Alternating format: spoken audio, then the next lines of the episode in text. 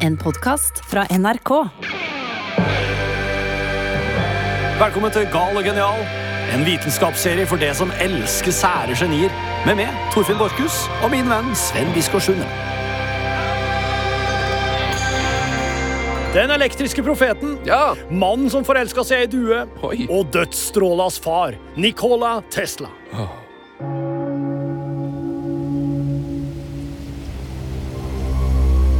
Nikola Tesla blir født ei stormfull natt på slaget midnatt i 1856. Dette er 45 år før de får eh, gatebelysning i, i, Ham i Hammerfest. Akkurat Det er i litt viktig poeng, fordi det, han ble født før det ble oppfunnet. Akkurat idet kirkeklokkene slår det tolvte slaget, så slår òg lynet ned. Jordmora syns det her er et dårlig tegn og roper 'Dette blir et barn av mørket'. Men Nikolas mor svarer nei. Han blir et barn av lyset. Eller kanskje det ikke skjedde akkurat sånn som dette. Nei. Men for allerede nå så kan vi avsløre at Nikola Tesla han var en overskriftenes mann. Oh yes. Han visste å lage overskrifter og ikke minst bygge myten rundt seg sjøl. For her har vi altså å gjøre med en hjerne av de sjeldne. Mora, Duka Mandic, hun er oppfinner, og hun og faren gir hele tida Nikola og broren og søstrene filosofiske, matematiske og logiske spørsmål, memorerer lange, innvikla setninger og greier. Familien Tesla er serbiske ortodokse som bor langt ute på landsbygda i Smiljan i nåtidas Kroatia, men den gang var det en del av det østerrikske keiserdømmet. Her er det ingen strøm, det er bare hester og landbruk og jernetrim. Det er drømmen. Nikola, han er synestetiker. Det er noe gøy. Det synes jeg, dette syns jeg er gøy. Det er en utrolig liten greie som det er ganske god sjanse for at du som hører på, òg har. Det er mange der ute som er synestetikere uten å vite det sjøl. Nå kan du teste deg sjøl. Syns du ord har smak? Tenker du at uh, mandagen den er blå, tirsdagen Ja. den er gul? Har forskjellige lyder eller bokstaver egne farger? Eller ser du for deg ting i 3D inni deg eller i rommet rundt deg? Da kan du være synestetiker. Og merk mine ord, det her får stor betydning for vår serbiske venn. Yes, Og han gjør det, ikke overraskende, med en oppfinnermor og en prestefar, svært bra i skolen. Han kommer hjem med beste karakterer i alle fag, han lærer seg flere språk, og han er så eksepsjonell i matte at lærerne tror at han faker det. De tror han jukser. Ja, alt tyder på at det her er en såkalt savant, et vaskeekte vidunderbarn, og Nicola drømmer derfor om å gå på universitetet. Yes, han er på vei mot skolen, men faren han vil det ikke sånn. Han er fast bestemt på at Nikola Tesla han skal bli prest. Ja. Sånn som sin far. Ja, som svar sånn sønn. Yes. Så Nikola han må faktisk få kolera og ligge til sengs i ni måneder for at faren skal gi etter og la ham begynne på universitetet i Graz i Østerrike. Men 17 år gammel, så forsvinner plutselig Nicola i fjellene. Hva skjer? Hvem veit? Det her er veldig veldig rart. Eh, Har han klikka? Har han bare blitt eremitt? Hva gjør han der? Ingen veit hva han egentlig gjør der, men Nicola har senere fortalt at han jakta og fiska og styrka sine synestetiske krefter, som han skal bli kjent for. Mens en annen versjon er at han oppholdt seg der en stund for å slippe unna treårig militærtjeneste. Uansett, han får dyrka kreftene sine. Ja. Og ja, skal vi bare kaste oss inn i det, Torfinn? Teslas synsforstyrrelse. Ja, fader oss gjør det nå. For det her er såpass vesentlig for hvem Nicola skal logge de neste årene at oss må prate om det. Så, tidlig i livet så, så Nicola først sterke glimt som et slags lyn eller en slags blits. Og så så han noe annet. Et bilde av noe han hadde sett i virkeligheten. For eksempel så var han i en begravelse med åpen kiste der han så et lik. Det kan være ganske ekkelt, ikke sant? Og litt seinere, når han skulle legge seg om kvelden, så så han det liket foran seg på netthinna hele natta. Det her høres jo helt uh, sykt ut, men jeg kjenner meg litt igjen i det her. Jeg kan jo av og til se ting på en måte når jeg lukker øynene inni hodet mitt. Som du ikke får vekk. Ja, ja, eller, som, eller som jeg ikke har kontroll over. Ja. Jeg, ser heldigvis ikke lik sånn som han. Han har jo en slags horrorkino inni øyelokkene sine. Ja. Det er jo en slags forbannelse, tenker kanskje du? Ja, jeg, jeg tenker jo at det er en gave, da. Det kan være ei superkraft òg. Eh, For han har jo en slags fotografisk superhukommelse, kan man vel si. Han glemmer jo ingenting han har sett. Og det han gjør ute i villmarka nå, det er å temme disse kreftene her. Så nå lærer han seg å projisere sine framtidige oppfinnelser foran seg, som en slags Dr. Manhattan, hvis du har sett Watchmen. da. Han kan nå forestille seg hvordan en fremtidig ja, mikrobølgeovn eller en Tesla kanskje er det beste eksempelet, hvordan den ser ut. Han kan bygge en Tesla demontert i 3D i rommet hvor han står. Det fantes ikke Teslaer i 1870, da. Jo da, det fantes én. Ja, det fantes én, ja. Og det er jo eh, han som seinere har inspirert Elon Musk til å lage Tesla. Ja. Bilen, altså. Ikke sant. Nå har Nicola sluppet unna militærtjeneste, og han kan konsentrere seg om skolen. Og her går det til å begynne med veldig bra. Toppkarakterer på universitetet og topp oppmøte første år, før han kommer i en elektrisk konflikt med en lærer det andre året. Jeg liker det ordet der. Elektrisk konflikt. Du, dem skal det bli flere av i Tesla sitt liv. Elektrisk konflikt. Minner meg om uh, Tycho Bra som havna i en uh, matemat Matematikkrangel. ja. En tysk professor ved navn Pøschel han skal det krangles elektrisitet med. Han er på besøk og har med seg en DC likestrømsgenerator som kan levere 0,5 hestekrefter. Eh, For på denne tida her så måtte jo altså generatorene måles i hestekrefter. Ja. Nicola blir jo umiddelbart veldig interessert i denne generatoren, her, og han studerer det nøye før han foreslår for Pørsel at han kunne ha bare brukt AC vekselstrøm i stedet for DC likestrøm for å unngå farlige gnister.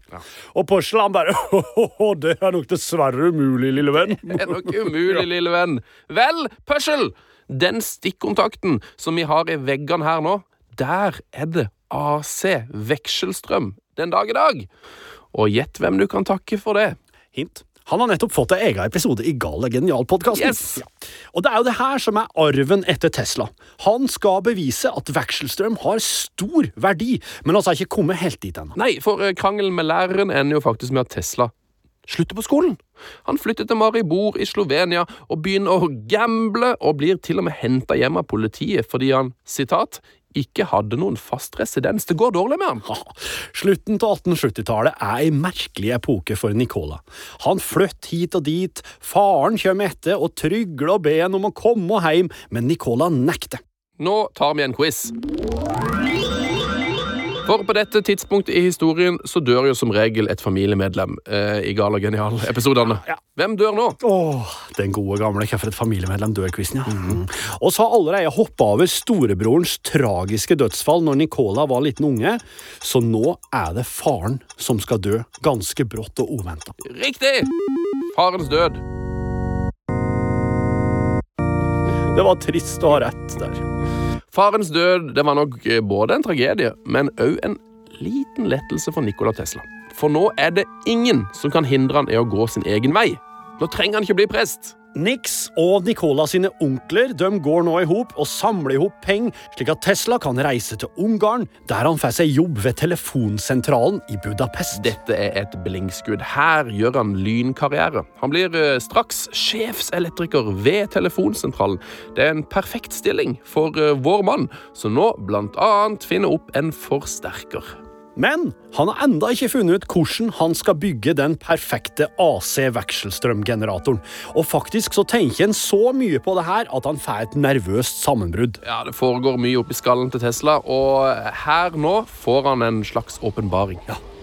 Det er en vinterdag i februar 1882.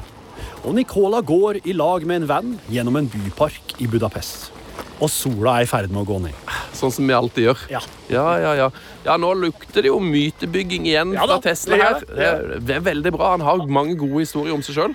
Og idet sola går ned, så dukker løsninga på det roterende magnetfeltet, som han hadde grubla på så lenge, oppi hodet hans.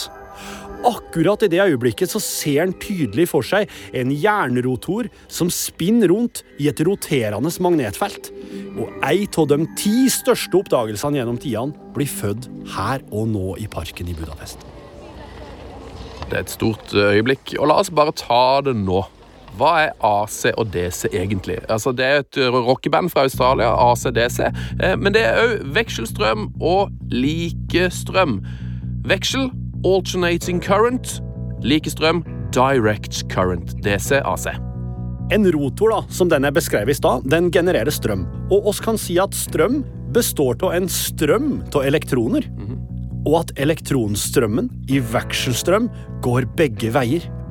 Elektronstrømmen i likestrøm går samme vei hele tida. Og så er det ikke helt sånn at det ene alternativet er så veldig mye bedre enn det andre. De funker veldig bra, men på litt forskjellige bruksområder. Helt riktig. DC likestrøm brukes jo i stort sett alle elektriske dingser som går på batteri. Og batteriet sender da DC likestrøm fra pluss mot minus i ei jevn, konstant styrke, som ei elv. Som en elv, ja. AC vekselstrøm, det vil jeg si er mer som et hav. Som kan levere over mye lengre avstander enn DC likestrøm, men som varierer litt i styrke.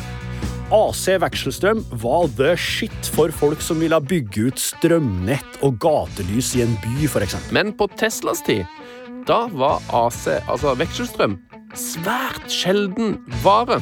Alle som holdt på med det her, de drev på med likstrøm. Det var DC som var i vind. Så nå blir det opp til Nicola å gi verden et fungerende AC-vekselstrømsystem. Og så en dag ringer det så telefonsentralen i Budapest. Ja, hallo, det er telefonsentralen i Budapest. Ja, hallo, det er et telefonselskap i Paris som ringer. Ja, hei, hva kan jeg gjøre for deg? Vi har hørt om Tesla, og vi gir ham jobbtilbud i vårt telefonselskap i Paris, som er eid av Thomas Edison. Mm. Tesla, det er telefon til deg, og det er en som vil tilby deg jobb i Paris. Ja, ja det med Edison, ja. Ja, ja, ja takk, ja. Så bra! I sin nye jobb i Paris installerer Nikola Tesla lys i operahuset. Tenk på det. Eh, Og så sender jobben han til Strasbourg for å gjøre noe nesten enda større, vil jeg si. Han skal reparere signalsystemet på jernbanestasjonen.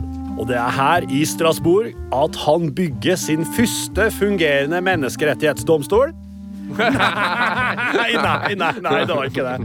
Det er her i Strasbourg at han bygger sin første fungerende AC-vekselstrøm-induksjonsmotor.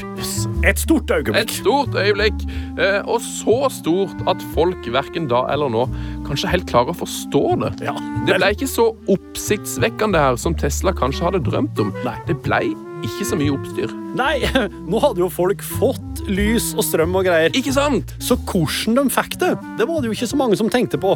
Oss tenker jo ikke så mye på hvordan strømmen i stikkontakten vår funker, så lenge det funker. Yes, og Tesla, som hadde drømt om å lage kraftverk i Niagarafossen siden han var en liten unge, han skjønte jo nå at han måtte komme seg et annet sted enn Frankrike. Han måtte komme seg et sted der gründere og oppfinnere som tenkte store tanker, ble tatt på alvor. Han måtte til Amerika. Og etter å ha fått penger til billett, eh, for deretter å bli frastole sommerbillett, inkludert penger og bagasje, kommer Nicola seg endelig på en båt med kurs for Amerika, der han skal møte Edison sjøl. Ai, ai, ai. Edison, et annet geni. En stor vitenskapsmann. Thomas Edison, sjølveste.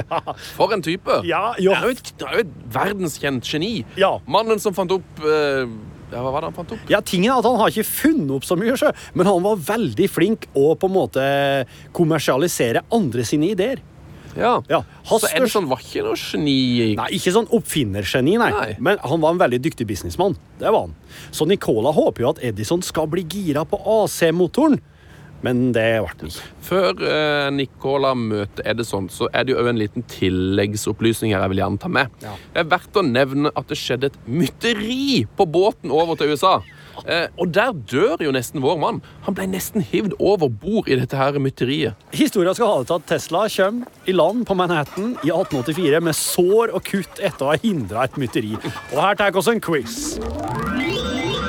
Hvor mange penger hadde Tesla i cash når han kom til USA? Og mytebygging. Eh, jeg tipper han hadde et gammelt juletre og noe, noe råtne flis. En tyggis. Nesten. Fire, fire cent. Fire cent! Fire cent hadde han i lomma. Veldig bra, Tesla. Fire cent. Den har han kost seg med.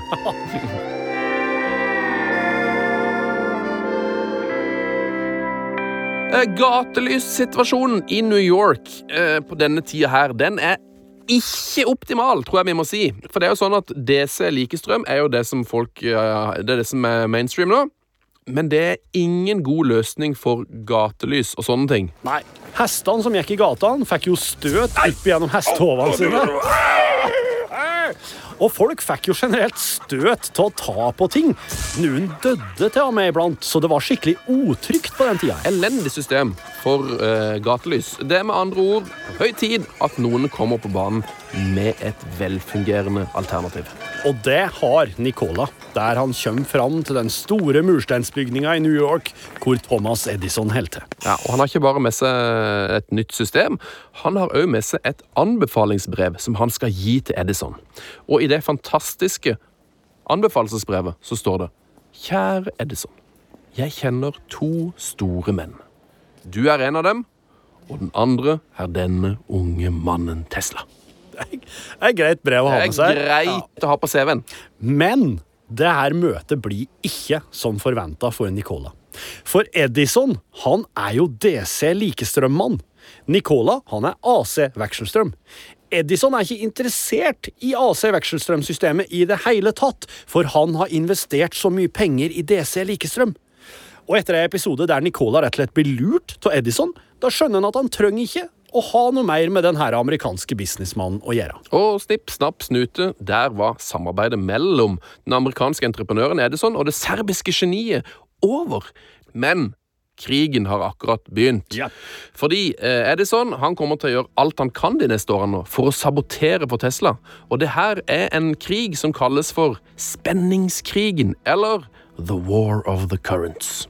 Nå oppdager Tesla at det er mange svikefulle businessfolk i dette landet. For han skal bli lurt og svindla og leve helt på fattigdomsgrensa et års tid, før i hellet snur sommeren 1887. Ja, det her er snodige greier, men jeg syns det er vakkert. Her leverer skjebnen. Ja, sant?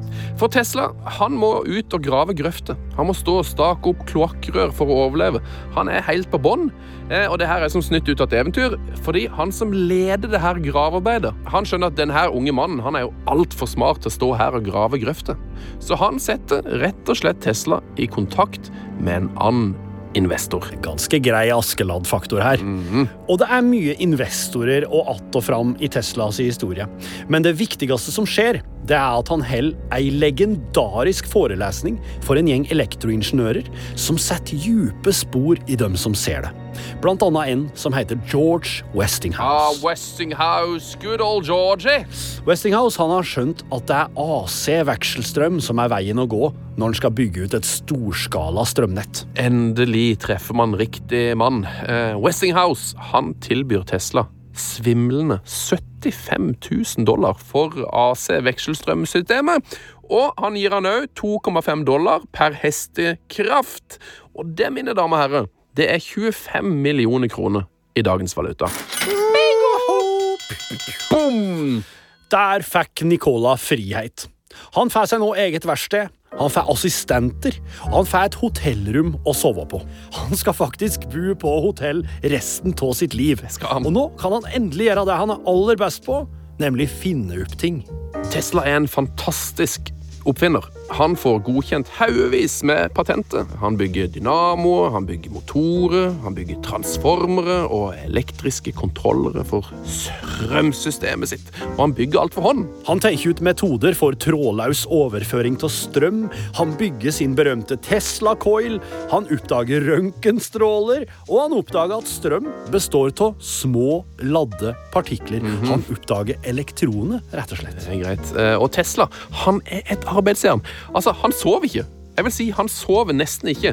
Han kan sove kanskje to timer i løpet av et døgn, og det er ikke to timer i strekk. Det er to timer med random dupping rundt omkring i løpet av dagen. Han jobber resten av tida, spiser lite grann iblant, og har altså noen voldsomt rare særegenheter. Ja, Det tok på å være Nikola Tesla. Han sleit med heftige tvangstanker, f.eks. tallet tre. Livredd for tre. Han kunne kun gjøre ting i tre og tre. Altså, Hvis han gikk rundt et kvartal, så måtte han gjøre det tre ganger. Eller seks ganger. Eller ni ganger. Sammen når han skulle låse døra. Ja. Han et kun mat hvis han først klarer å regne ut kubikkstørrelsen på måltidet foran seg. Altså hvor mye plass vil det her ta i maven min i kubikk? Og selv om Tesla var en eh, flott herre, han var pen, oh, ja. glattkjemma hår, snasen bart, stilig type, eh, men han var ikke noen eh, ladiesman. Han tålte jo ikke øreringer, han kunne få brekninger av perleøredobber, og han hata hudkontakt. Han hadde skikkelig bakteriofobi. Han gikk alltid med hvite hansker, slik som Mikke Mus. Og så jobber han så mye at han sliter seg ut med jevne mellomrom, og da må han rett og slett ta seg et par turer til Europa for å lufte seg litt. Og på en slik luftetur i Paris møter han f.eks. nordmannen Wilhelm Bjerknes. Selvfølgelig gjør han det. Og Wilhelm Bjerknes han var fysiker fra Oslo, eh, som vi vel kan si er den moderne værmeldingas far. Han, Wilhelm Bjerknes, ble nominert til Nobelprisen i fysikk 26 ganger. Og han hadde jobba med Hertz. Oi, oi, oi. Altså Hertz, den tyske fysikeren Hertz, ja. Han hadde funnet opp en oscillator, en sånn kul sak som det hopper gnister imellom og lager kul lyd. Den var så klart vår mann meget ivrig etter å kikke på. ja. Det er faktisk en legende knytta til oscillatoren Nikola Tesla bygde seinere, inspirert av Bjerknes. Ja, eh, Tesla bygde en megaoscillator. Og så var han venn med forfatteren Mark Twain. Selvfølgelig var han det. Og Mark Twain hadde jo forstoppelse. Så da fikk jeg Nicola eh, Twain til å stå i nærheten til oscillatoren, og så skrudde han den på. Og da rista det så godt at da løsna forstoppelsen til Mark Twain. Altså, apropos Mark Twain. Faktisk så tok Nicola røntgen av skallen til Mark Twain i 50 minutter på 12 meters avstand, skriver Tesla sjøl. Og hvis det her stemmer, da hadde Tesla utvikla noe oss ikke har enda den dag i dag. Er det sant? Jepp. Men nå må vi komme oss tilbake på sporet her, for nå tar det helt av for Nikola Tesla. Det er jo straks verdensutstilling i Chicago i 1893.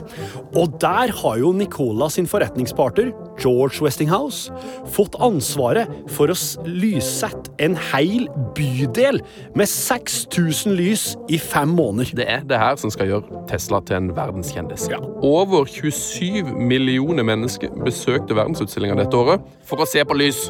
Fun fact, på den messa her deltok jo Norge òg, med ei kopi av Gokstadskipet, ei lita stavkirke og et maleri av Mimmi Falsen. Visste ikke at Rune Gokstad bygde skip, men eh, Men nok om det. Her er det folk som får se et pariserhjul for første gang. Mm, Houdini hadde show der. Og Tesla har så klart et eget rom der folk kan komme inn og se strømsystem som han har designa fra innsida. Eh, eller sikringsskap, som vi kaller det i dag. Nicolas lysinstallasjon lyser tusen ganger sterkere enn Edisons lysavdeling på utstillinga, og det her blir Tesla sitt svar til Edison sin påstand om at vekselstrøm var for farlig for daglig bruk. Yes, Nå vinner han uh, The Battle of the Currents, strømkrigen. Han motbeviser Edisons påstand, og det gjør han med å la ei ladning på 1 million volt gå gjennom kroppen sin uten at han får skade. Han viser, Tesla altså, at vekselstrøm var bra. Det hadde vært så feit å se et av Tesla sine liveshow. Han svinger lyssabler rundt seg, han tenner lamper med trådløs overføring til strøm. Han skyter flere meter lange lyn ut i lufta. Han er en slags trollmann og elektroprofet nå, og blir invitert til å helle liveshow over hele landet. Ring suksess! Etter suksessen med verdensutstillinga jobber Nicola og Westinghouse videre med bygginga av vannkraftverket i Niagarafossen, som han har drømt om helt siden han var liten, og det står ferdig i 1895.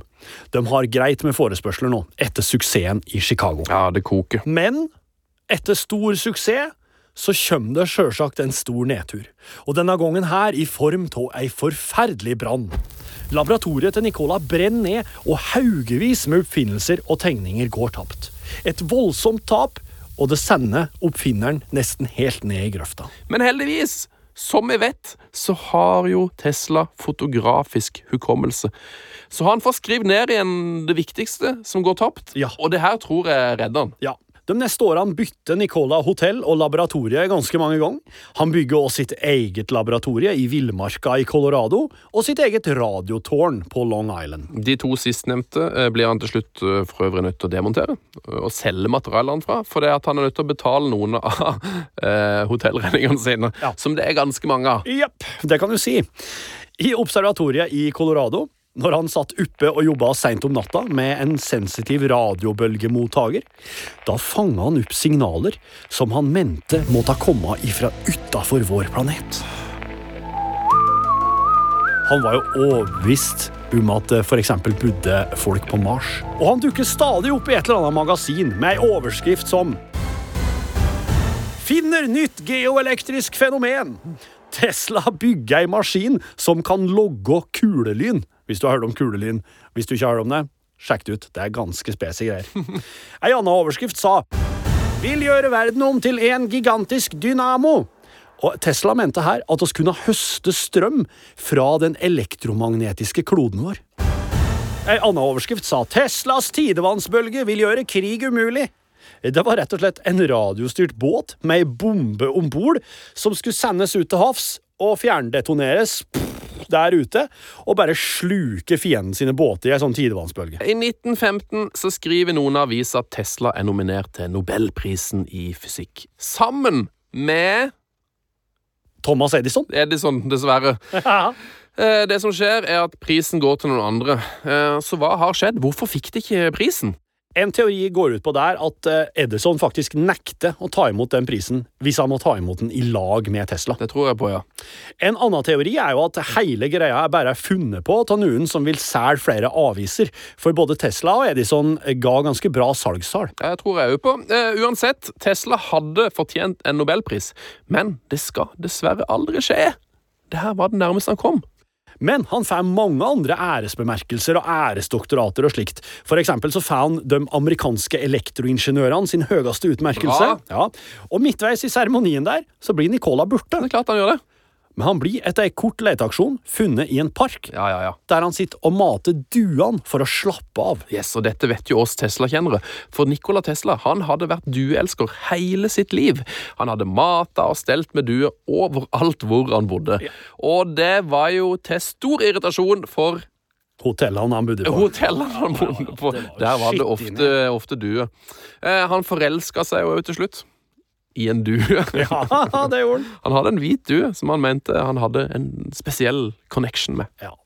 Han havner i rettssak med Guglielmo Marconi om hvem som fant opp radioen. Tenk deg da! Og der taper Tesla i første omgang, men etter at han eh, døde, så ble han faktisk tilkjent radiooppfinnelsen. Tenk deg, Han bare fant opp radioen. En bitte liten bioppfinnelse. Men han kommersialiserte det ikke. ikke sant? Han ville Nei, ikke nei, nei, nei, nei. Så tar vi oss en overskrift til.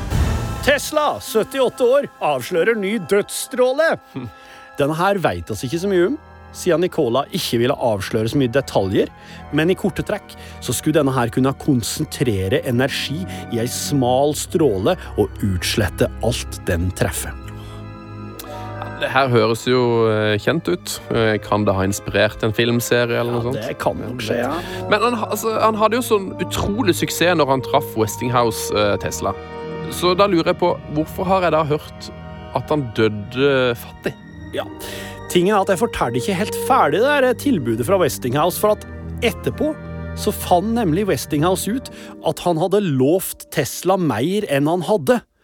Men fordi han likte Westinghouse, så reiv Tesla sånn kontrakta og ga han patentene for å redde firmaet. Og ga samtidig fra seg millioner av dollar. Men, men har han hatt noe penger i det hele tatt, da, eller? Nei, egentlig ikke. For eh, Nicola var jo ikke noen finansmann. Han er jo kreditert med over 300 patenter i dag, som er verdt svimlende summer, men han så aldri noe til pengene sjøl. Her kunne nok Nikola Tesla vært mer eh, frampå. Ja. For han var slett ikke dum, tvert imot. eh, Men han drømte nok heller ikke om rikdom, eh, så lenge han hadde det greit sjøl. Det kanskje mange er skuffa over med Tesla, er at han ikke så oppfinnelsene sine helt fram til et ferdig produkt som kunne selges. Når han hadde funnet opp en kul ting, Tesla, da bare begynte han å- finne opp noe nytt. Ja, ferdig, noe mer. Så var det bare opp til noen andre å ta det videre, egentlig. Og han skjønner jo før de fleste at verden har begrensa ressurser. Når han har liveshow, så spør han dem som er i salen hva tror dere skjer den dagen det ikke er igjen mer skog. Han skjønte jo verdien av fornybar energi allerede på 1890-tallet, og han mente at oss kan bruke jorda som en stor fornybar strømgenerator. Ja, er jo, han er jo utrolig smart her. Um, han skjønner jo at verden kommer til å havne i en energikrise på sikt. Jeg tror han har lyst til å løse det problemet. Og på sine eldre dager så forutsa Nikola Tesla stort sett det aller meste vi har i dag. Eh, inkludert ting vi ennå ikke har fått. Uh, det er faktisk meget mulig at han hadde løsninger på verdens energibehov. Han bruker også et ord som er teleautomater. Og han sier at teleautomater kommer til å ordne alt på sikt. Og det er en slags kunstig intelligens. Men vi er jo ikke kommet dit ennå, så vi vet jo ikke. Han har treff på mye av det han har spådd, så det Han har det. Kommer nok Han, til å skje. han har spådd internett og biler og fly og tog og alt på strøm og i det hele tatt. Og droner. Han så også for seg noe som var veldig radikalt i sin tid, nemlig en verden styrt av damer. Han så for seg en fra- ja, Han så for seg en framtid der damene ville være det herskende kjønn, og at det er dem, når de får nok frihet og utdanning, at de vil være de fødte lederne for menneskeheten. Nikola Tesla han levde til han ble 86 år og døde av hjertesvikt på The New Yorker Hotel. Der hadde han bodd sine siste åtte år gratis. Det neste som skjer da, er jo at eh, myndighetene raider hotellrommet hans og tar med seg alt som var der. Eh, ikke alt er frislept en dag i dag. Noe er fortsatt uh, hemmeligstempla. Oi, oi, oi. Veit ikke hva. Oh, for en godtepose. Der er det sikkert mye bra greier. Han har to bilmerker oppkalt etter seg. 100 To? Ja, det er jo Tesla, ikke sant? Ja, det har jeg hørt om. Og så er det et amerikansk bilmerke som heter Nicola. Er det sant? Jøsse navn. Eh, han har eh, oppkalt etter seg 128 gater i Kroatia, et eget krater på månen, en egen planet, og Enheten Tesla, som måler styrken på et magnetfelt. han har blitt spilt av David Bowie på film. Det syns jeg er ganske rått. I The Prestige, en fantastisk eh, Den må du se. Og han har blitt spilt av Ethan Hawke nyligere i filmen Tesla. Ja. Som var en ganske ræva film, spør du meg. ja, og han dukker jo opp i en god del eh, dataspill, blant annet Red Dead Redemption. På om han dukker opp i ja, Jeg føler han dukker opp i alle spillene. Han dukker opp i flere, ja. Han gjør det. Og han dukker opp i stikkontakta di hver eneste dag. Ja, og vi kan takke han for at vi ikke får strøm i oss når vi går ned eh, gata på Karl Johan, eksempel, til Ja. vanlig. sånn som Edison vil ha det. Han vil gjerne ha sånn strøm som, som uh, stakk litt. Ja, så du kjenner, Når du kjenner når du går. Oi! Ja, det var Gale genial. Takk for oss. Takk for det.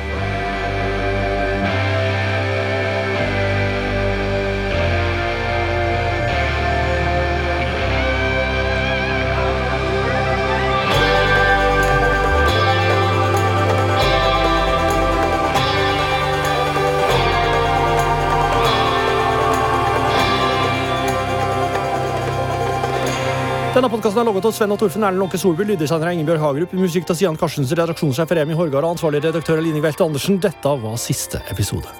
Foreløpig. Takk for at du har hørt på. Du har hørt en podkast fra NRK. De nyeste episodene hører du først i appen NRK Radio.